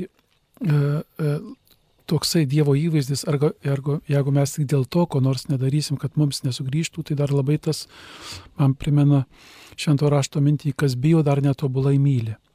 Tačiau jeigu taip jau įvykę, kad, kad e, parkeikia ar kas nors parkeikia, tai yra nuodėmė, tai jeigu klausėjų taip įvykę, tikrai linkiu prieikit iš pažinties ir atleisti ir, ir atšaukti, jeigu įmanoma santykiai su tuo žmogumu atnaujinti, pasakyti, kad, kad atleisk man ar kas nors tą dalyką tvarkyti, kad mes neliktume piktume tokiame arba taip toliau. Bet to aš manyčiau vėl tas prakeiksmas, dar reiktų žiūrėti, kartais žmogus nelaisva valia ne, ir ne, ne, nebloga valia prakeikia, kartais galbūt tai buvo toks didelis skausmas arba tokia didelė e, e, emocija, kur žmogus net nesamoningai tai padarė ir mes tada galvojam, kad jau, jau dabar viskus, visus velnius prisikvietėm. Atsigręžkime į Dievo gailestingumą. Dievo gailestingumą mes atšaukim prakeiksmus, Dievo gailestingumą mes meldžiamės net už priešus, kaip viešpats sako, net tuos, kurie mus keikia, taip konkrečiai net žodiškai pasakyti, mylėkite tuos, kurie jūs keikia, gerą darykite jiems. Taip, kiek kokiem tikslams ir kaip dažnai valstybė skiria lėšas bažnyčiai. Girdėjau, kad nori sumažinti ir apriboti lėšas. Na tai e, valstybė prisideda, matydama tradicinių religijų indėlį į visuomenės gerovę, į visuomenės statybą, į visuomenės telkimą, į visuomenės ugdymą, prisideda prie jų gyvavimo ir proporcingai pagal tų narių skaičių skiria ta, tam tikrą dalį. Ir be to valstybė kaip kompensacija už nesugražintą turtą, kurį aukotojai buvo paskyrę vienai ar kitai bendruomeniai, taip pat skiria, skiria tam tikrą tokią kompensaciją periodiškai. Nes... Arba, kaip žinot, bažny, bažnyčia Lietuvoje, bažnyčia buvo negražinto žemės. Ir dėl to taip pat valstybė kompensacija, kad pavyzdžiui, kunigai vienuoliai yra drausti valstybės e, dėl to, kad e, e, kaip restitucija, kad negražinto žemės bažnyčiai yra. Taip, nes aukotojai kažkada tai bažnyčiai, tai bendruomeniai paskyrė kažkokį turtą, ar atidavė žemę, ar panašiai, ar pastatus ir tiesiog nebuvo galimybės gražinti. Va, buvo taip sutarta, kad mokės tokią restituciją, tokią kompensaciją už tą žemės ir kokiem tikslam e, dabar tai valstybė nenustato tų tikslų. Dažniausiai tos lėšos yra naudojamos arba pastatų remontui arba mm, tam tikrų bendruomenių tokiam, na, ūkdymui. Dažniausiai yra remontuojami turbūt pastatai už tas lėšas, nes yra dideli bažnyčių pastatai ir parapijos namai ir, ir tiesiog t, t, t, tiem tikslam dažniausiai lėšos ir, ir panaudojamos. Taip mums paskambino. Alfonsas iš Šiaulių. Taip, Alfonsai, klauskite. Garbėsiu Kristui. Per amžius su gilia pagarba pirmiausia Aldonai kunigui. Noriu paklausti štai tokių klausimų, filosofinių, teologinių. Sakoma, kad Kristus mus atpirko iš nuodėmių, išvadavo, vadinasi, mūsų iš gimtosios, iš visokių. Koks gali būti atpirkimas, aš nesutinku su tuo. Dievas, o, o pragaras, tai nuodėmė yra pragaras. Vieno kraujo lašelio jau užtektų, kad pragarą nugalėtų. Arba reikia Dievui, vadinasi, tokios aukos. Pragarą, vadinasi, išpirkti žmogų iš pragaro. Aš galvoju, kad tai yra šitas Kristaus ateimas, jo meilė ant kryžiaus, Dievo įrodymas meilės. Jis kitaip negalėjo įrodyti, kad jis turtingas, dangus turi, kai jis mums duos dangų, Ar čia įrodymas meilės? Jis turtingas. Kas tas jam dangus? Alevo, jis paukojo savo sūnų. Ait įrodyk, kad aš juos myliu. Ir va, Kristus turėjo, vadinasi, įrodyti savo tėvo norą parodyti, kokią meilę jis mus myli. Kryžius man Dievo meilės įrodymas, o net pirkimo. Ar aš teisus? Ir truputį Alfonsą ir taip, ir, ir, ir truputį, nematot, mes meilės e, vardą taip pat galim, e, į meilę įeina ir išpirk, atpirkimas. E, mes galim sakyti, Dievas taip be galo mylėjo žmonės, kad atidavė sūnų, galim nenaudoti tą žodžio išpirkimas, atpirkimas, bet, bet taip pat teologiškai yra, kad mes bandom suprasti, kodėl Dievas tapo žmogumi ir mirė ant kryžiaus. Ir, ir tas teologinis mokymas yra, kad tas ta pirmoji nuodėmė, kuri įvyko, pats žmogus negalėjo kaip nors pats žmogus savo jėgom tos nuodėmės ištaisyti, ar kaip čia pasakius, ar, ar atpirkti, ar išpirkti, kokį žodį benaudosim.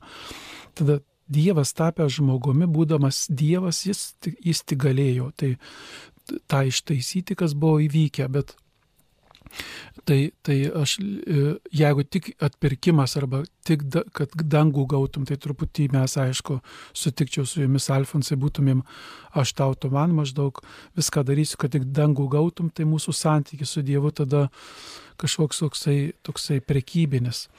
E, e, tai Tai e, sutikčiau su jūs, su jomis, kad e, mes negalim naudoti tik atpirko išpirko, čia daugiau bažnytiniai kalbotai naudojama, bet mes galim sakyti, Dievas atidavė sūnų, ne vieno, vieno lašo būtų užtekę, bet Dievas toks dosnus, kad jis nori visą save dovanotis, netruputį savęs duoda, už, užtekę būtų ir jo trupučio, kad mūsų atpirktų Dievas visagalis, bet Dievas toks dosnus, kad jis visą dovanoja, vis, visas kraujas yra už mus, kad jau kad meilė yra tokia dosni, kad būtų užtekę ir vieno lašo.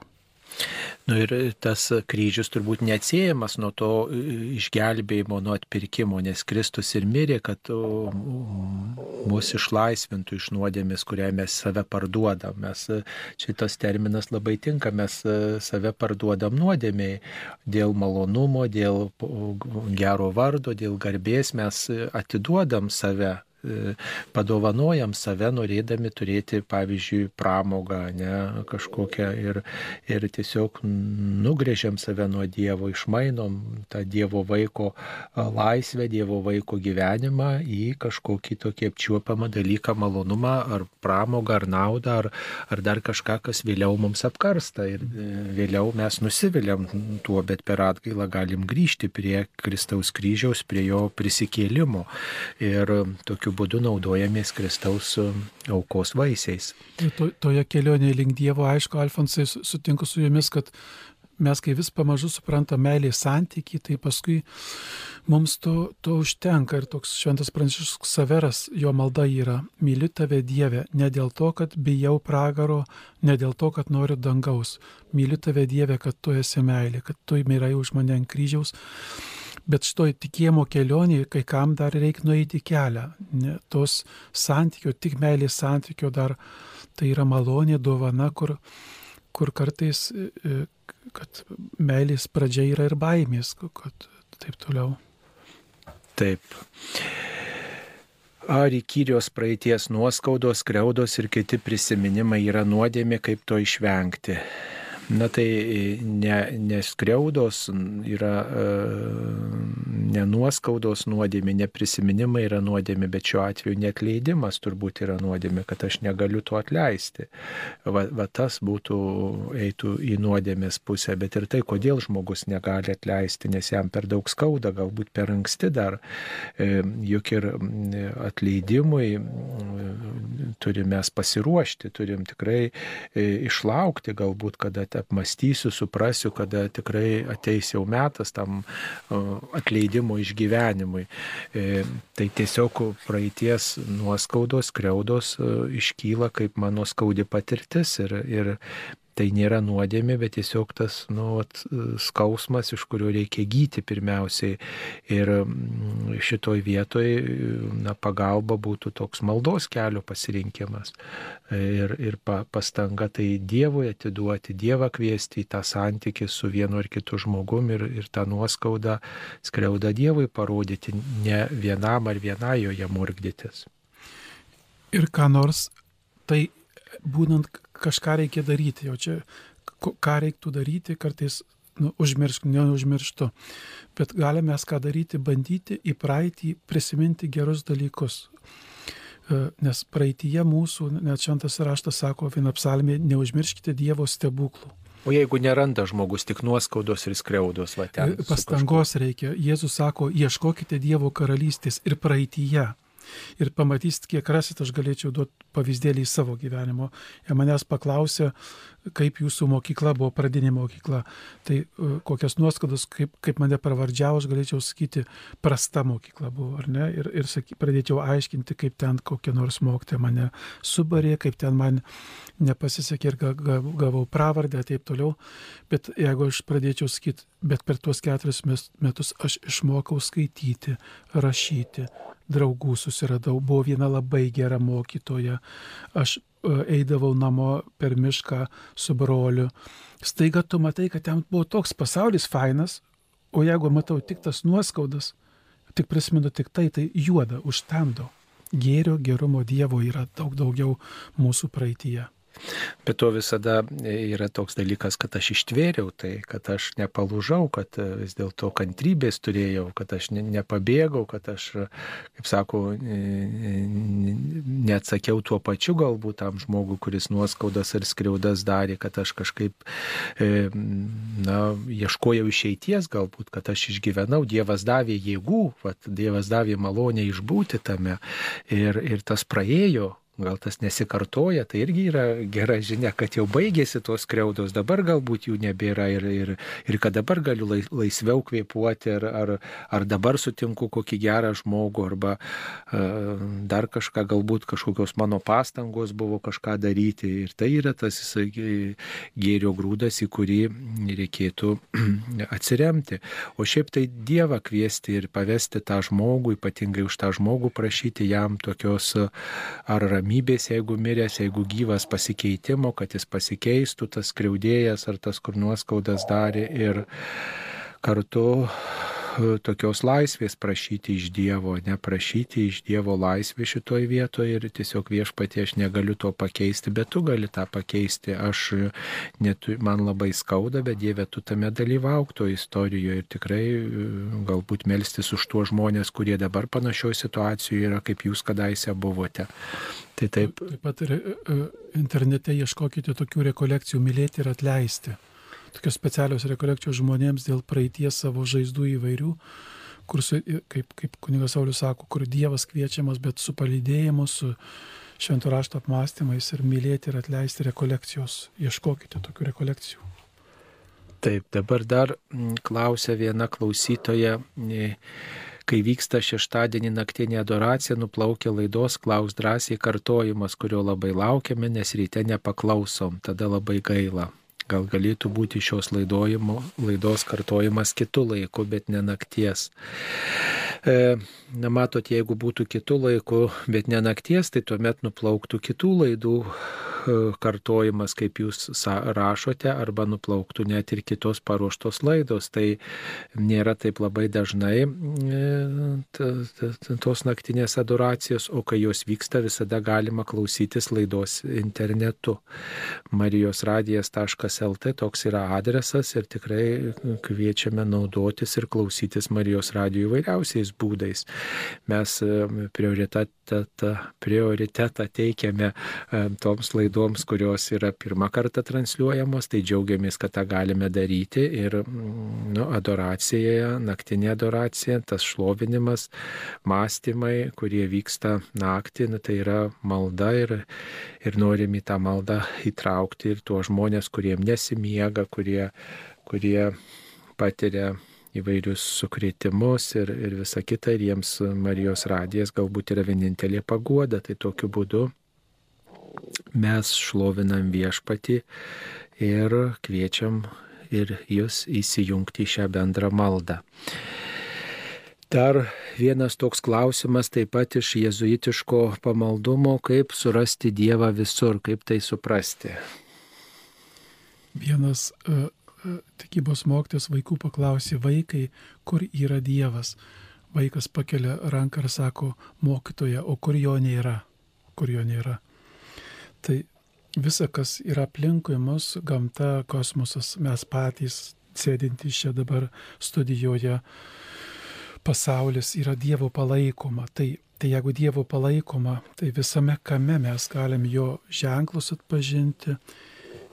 Per visą, ką Dievas pats gali prabilti, jis nėra pribotas, pažiūrėjau, tik sakramentais, kur, kur, kur jo malonė yra ženklai bet jis gali veikti per kūrybą savo, per, per žmonės, per, per įvykius, per mūsų patirtis. Tai, tai, tai kai aš tai kalbu, tai turbūt ir, ir jaučiate, kad tam tikrais būdais mes norime, galime suprasti, kad įvykiai, kurie vyksta, yra Dievo meilės ženklai, kad me, taip Dievas prie mūsų pasilie, prisiliečia. Taip mums paskambino. Klausytoja Zofija. Garbėsiu Kristus per amžius. Sakykite, mes turime tokį prašymą. Kai vyksta transliacija šventos per televiziją, nu, tie komentavimai, tie pasakojimai, tai labai trukdo, nutrūkdo melstis, tiesiog, nu, nu, nemanoma yra. Ar nebūtų galima, kad ta, tą visą pasakotų priešės ar šių, nu kažkaip per pačias šias stamišios padeda komentuoti. Taip, supratome, supratome jūsų, jūsų klausimą. Matot, mes esame Marijos radijas, mes e, transliuojame mišes tik per radiją. E, e, jeigu jau tokia galimybė būtų, transliuotume ir per, e, per YouTube ar panašiai, bet kol kas to nedarome. E, kviečiame žmonės gyvai dalyvauti mišiuose, o televizija čia yra atskira redakcija, atskiros, e, atskiri žmonės dirba, visai kiti ir, ir nu, juos reikėtų informuoti. Rašykite televizijai, rašykite ten tiem žmonėms laišką ar, skambinkite ir ten juos informuokite dėl šito. Tai tikrai jie pasirenka, kaip tą daryti, nes nori, kad, reiškia, žmonės labiau suprastų, matyti tas, kas čia. Labiau, kad mišes žiūri ne vien tik mes pamaldų žmonės, bet turbūt jas žiūri dažnai žmonės, kurie retai į bažnyčią ateina ir tie tylos momentai jie galbūt net nesupranta, e, kas čia vyksta ir tada komentaro reikia. Turbūt tas poreikis žmonėms yra suprasti, kodėl tas kunigas kodėl čia visi tyla, ar čia choras uh, apsirgo, neišmoko ko nors, ar kaip nors, kai būna aukojimas ir taip toliau. Tai įvairiūs poreikiai yra žmonių, kurie žiūri mišes per, per uh, televiziją. Nu, net kartai, žinot, ir bažnyčioje žmonės pasigenda tokių katechetinių mišių, kad juose būtų aiškinama, kas vyksta. Reiškia, vat, net ir su tuo susidūriau, tai to kol kas nėra, bet šiaip tai E, šiaip tai, e, šiaip tai reikėtų turbūt e, gyvai stengtis dalyvauti, gyvai nueiti į mišes ir tikrai ne, nepasitenkinti tomis transliuojamomis mišiomis. Dar viena žinutė, gal galite pasidalinti, kaip pasiseka iš, išlaikyti tolimesnį sekmadienio šventimą su vaikais prieimusiais pirmąją komuniją vienas iš tokių pirmų, pirmos e, atsakymas galėtų būti, atsiminkit, kad šventos mišios e, šitoj bažnyčiai pas mus krikščioniškam gyvenime yra mes vadinam aukščiausia maldos forma su viešpačiu, aukščiausias išreiškimas santykio su viešpačiu šventos mišios. Todėl neįsigaskit, kad kartais vaikai ir po pirmos šventos komunijos tos aukščiausios maldos formos e, suprasti jiems dar sunku, jeigu dar patys nedalyvavo arba, kaip sakom, tik išklausydavo šventas mišes. Todėl čia aš jums linkiu labai kūrybingumo. Kai, kada veiks, kai kada neveiks, galiu būti labai subjektyvus, kas, kas mane labai padėjo arba veikia, tai yra, kad, kad būtinai turėtų bažnyčioje atsirasti kažkokie draugai, būrelis jaunimo, dėl kurio aš taip pat einu į bažnyčią, nes mes neteinam vien išklausyti mišių, mes stiprinam bendruomenę. Ir jeigu vaikas, e, atsivesit vaikus ir jo, jo bendramžių nėra mišiuose, tikrai bus nelengva. E, e, mišiuose šeimoje praktikuojate, suprantu, bet ypač ateis paauglystės laikas, kur, kur tėvams sunku būti autoritetais. Tai mano tėvai ieškodavo šiuo metu galim sakyti, skautų, ateitininkų, piligrimų centrų, kur jie vaikai bendramžius suras, su kuriais kartu galbūt gėdos mišiuose, galbūt patarnaus mišiuose, gal, galbūt po mišių turės kažkokį užsiemimą. E, tie dalykai padeda. Tie dalykai padeda arba e, kai būna vasaros į stovyklas krikščioniškas, kai tenai atvažiuoja kunigas ir, ir kur nors uh, būna tos sustaikymo pamaldos, šventimas, kaip jie patys pasiruošia mišioms. Tie dalykai padeda, kiek aš žinau. Jo.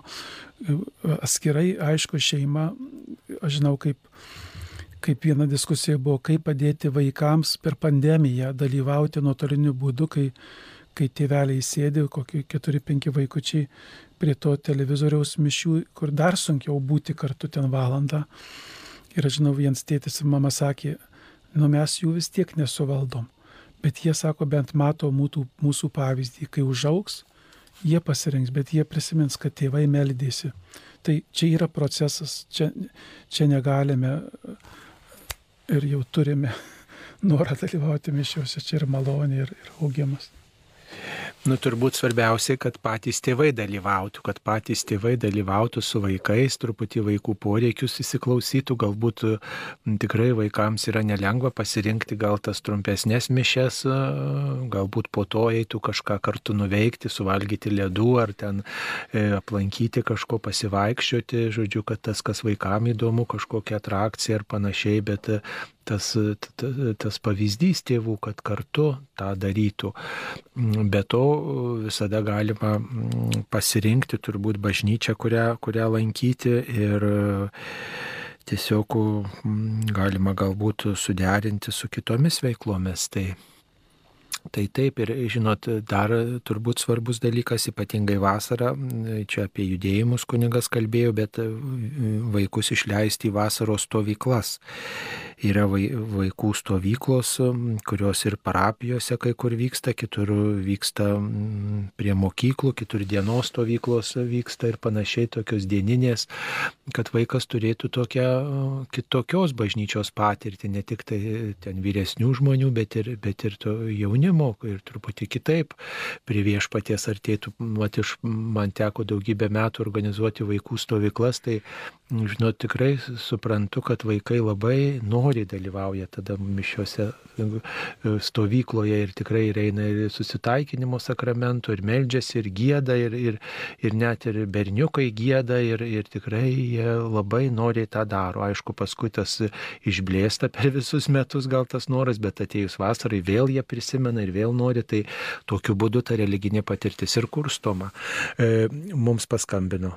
Rasa iš Kauno. Taip, klauskite. Dabar dar vienas klausimas jėzuitiškas. Ar jėzuitai nesimeldžia brevijoriaus? Pirmiausia, e, pasakysiu, kaip Ignacas žvelgia į brevijoriaus maldą, įkūrėjas su draugais. Jėzuitai, kaip ir kunigai, įpareigoti melstis brevijorių. E, Ar, ar diakonas, ar kaip nors tai yra bažnyčios malda. Ko Ignacas norėjo e, skirtingai nuo kitų vienuolijų, kad bendrai tai, kas yra kitose kitų metu buvusių vienuolijų, brolių pranciškonų, domininkonų arba ypač kontemplatyvių vienuolyno būdavo m, valandų liturgija arba, arba vadinamas brevijorius melsdavosi tam tikromis valandomis bendrai rytinę. Š- Šiuo metu seminarijoje išlikę e, tie momentai ir taip toliau. Tai e, popiežius, tai yra Agnacas prašė popiežiaus, kad nuo tokių bendrų maldų atleistų, nes e, Jėzuito pašaukimas yra paštališkas ir jeigu ir aš dabar, kur bendruomenėje gyvenu, vienas jėzuitas turi keltis anksti eiti į mokyklą, trečias išvažiavęs kur nors rekolekcijas vesti, seneliai vyresni ilgiau miega, tai taip toliau, tai, tai o paliekamas asmeniškai brevijoriaus e, malda, ats, ats, atsakomybė kiekvienam kunigui, kartais galbūt rekolekcijose, ar kartą į savaitę pasimeldžiam kokią vieną iš liturginių valandų, bet, bet mes neįpareigoti chorų melstis, o asmeniškai atsakingi. Taip, mums paskambino. Veronika iš Vilniaus. Taip, klauskite. Garbėjai Zukristai. Per amžius. Nu, vie, turiu tokį klausimą. Gal prieš kokius gal penkis metus aš girdėjau, sėdėjau, žiūrėjau mūsų rungtynės spartekinių krepšininkų žaidimus ir išgirdau balsą. Prašykite, viską išpildysiu. Nu tai labai gražu, kad jūs išgirdote tokį balsą, prašykite ir jums bus duota, tai čia iš švento rašto. Ir aš paprašiau, kad laimėtų. Ir mūsų rinktinė užėmė antrą vietą. Nu, Dabar ačiū Dievui. pasakiau, pasakiau kaimynam, pasakė, "Ka- ar tau dažnai taip rodosi. Aš dabar norėčiau sužinoti, ar čia tikrai viešpatis balsas buvo. Antras dalykas, manau, kada sunus susirgo infarktais, insultais, jo širdis buvo pusė raudona. E, Paveikslą, pavyzdžiui, kai paveiks širdis tai yra ne raudona e, buvo, o dabar raudona. Ir pas jeigu nustojo, o dabar vėl pusė širdies viešpatės. Na, Nežinau, ar čia man rodas, ar čia yra, ar čia gali tai būti. Antras.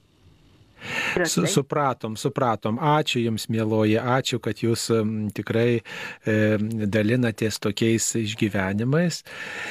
Nu tai prašyti tai nėra nuodėmė, prašyti įvairiausių dalykų galime, tačiau nereikėtų turbūt sureikšminti, bet dėkoti Dievui, kad ar laimėjo jūsų komanda, ar Dievas išpildė prašymą, o čia tas sakinys yra užrašytas šventam rašte, tai tikrai tas paskatinimas gali mums ateiti, kai kažko labai trokštame, ateiti švento rašto žodžiai. E, tiesiog prisiminimas, ar prašykite ir gausite, belskite ir bus atidaryta. Tai čia tikrai gali būti iš Dievo toksai dalykas, va, ne kad tikrai prašyk, karštai melskis, užtarkitų žmonės ir, ir, ir, ir tikrai viešpats skubės į pagalbą. O dėl širdies, tai nu žinot, e, visokių gali būti patirčių ar ne, bet turbūt nereikėtų to labai sureikšminti.